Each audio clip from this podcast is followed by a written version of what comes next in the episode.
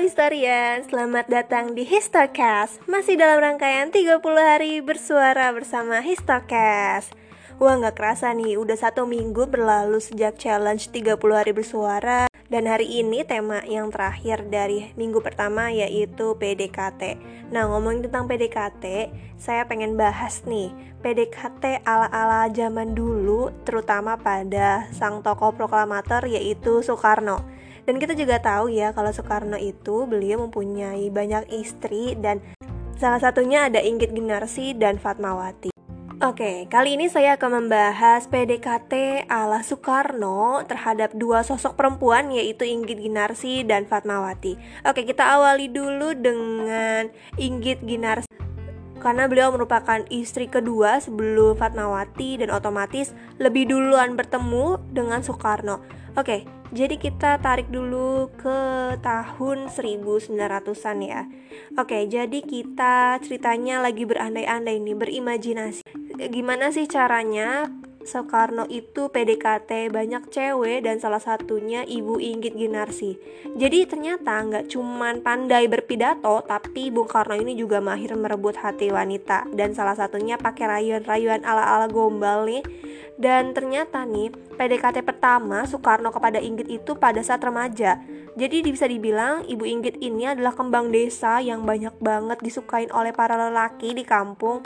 Dan tiba-tiba saat Soekarno datang, pada saat itu Soekarno lagi bersekolah di ITB kalau sekarang itu dan beliau itu tinggal di rumah Inggit Ginarsi di Bandung. Dan di sinilah melihat sosok Inggit Ginarsi Soekarno itu merasa kagum karena Inggit Ginarsi itu merupakan sosok yang keibuan. Sejak awal bertemu dengan Inggit Ginarsi itu Soekarno udah merasa kagum karena Inggit ini sebagai perempuan yang luar biasa perempuan yang tangguh dan perempuan yang mandiri.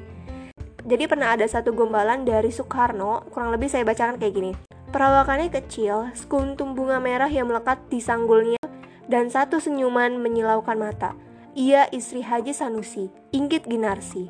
Segala percikan api yang dapat memancar dari seorang anak 20 tahun dan masih hijau tak berpengalaman menyambar-nyambar kepada seorang perempuan dalam 30-an yang sudah matang dan berpengalaman. Dan dia tuh sampai gombalin seperti ini dan Rayuan-rayuan maut dari Soekarno inilah yang akhirnya membuat hati Inggit Ginarsi itu akhirnya luluh dan mereka saling melengkapi satu sama lain, mereka saling suka. Padahal sebenarnya di sini posisinya jarak antara mereka berdua itu cukup jauh. Dan satu sisi itu Soekarno sudah mempunyai istri yaitu anak dari Hoshokro dan di satu sisi lagi Inggit itu sudah bersuami yaitu Haji Sanusi. Tapi ternyata cinta mereka membawa ke arah yang lebih serius yaitu di pelaminan. Dan akhirnya mereka memutuskan untuk menikah. Jadi dari awalnya PDKT ini ibaratnya tuh Soekarno ngekos di rumah Inggit lah. Terus akhirnya timbul rasa suka dari Inggit karena ia sosok perempuan yang mandiri sosok perempuan yang luar biasa sangat-sangat membuat Soekarno itu kagum. Terus gimana dengan Fatmawati gimana cara PDKT ala Soekarno ke Fatmawati. Jadi buat historian yang belum tahu, Soekarno itu pernah diasingkan ke Bengkulu. Nah, ternyata di Bengkulu ini mulai timbul deh benih-benih cinta sama Fatmawati. Jadi awalnya sebelum cinta itu mereka itu udah kenal. Jadi pada saat Soekarno itu diasingkan di Bengkulu, ternyata Soekarno itu sempat diminta sama ayahnya Fatmawati untuk jadi guru. Dan pada saat itu usia Fatmawati masih 15 tahun dan Fatmawati sendiri pernah sempat numpang di rumah Soekarno sebelum ia masuk ke sekolah rumah tangga dan akhirnya di sini Soekarno mulai menjalin banyak interaksi dengan Fatmawati.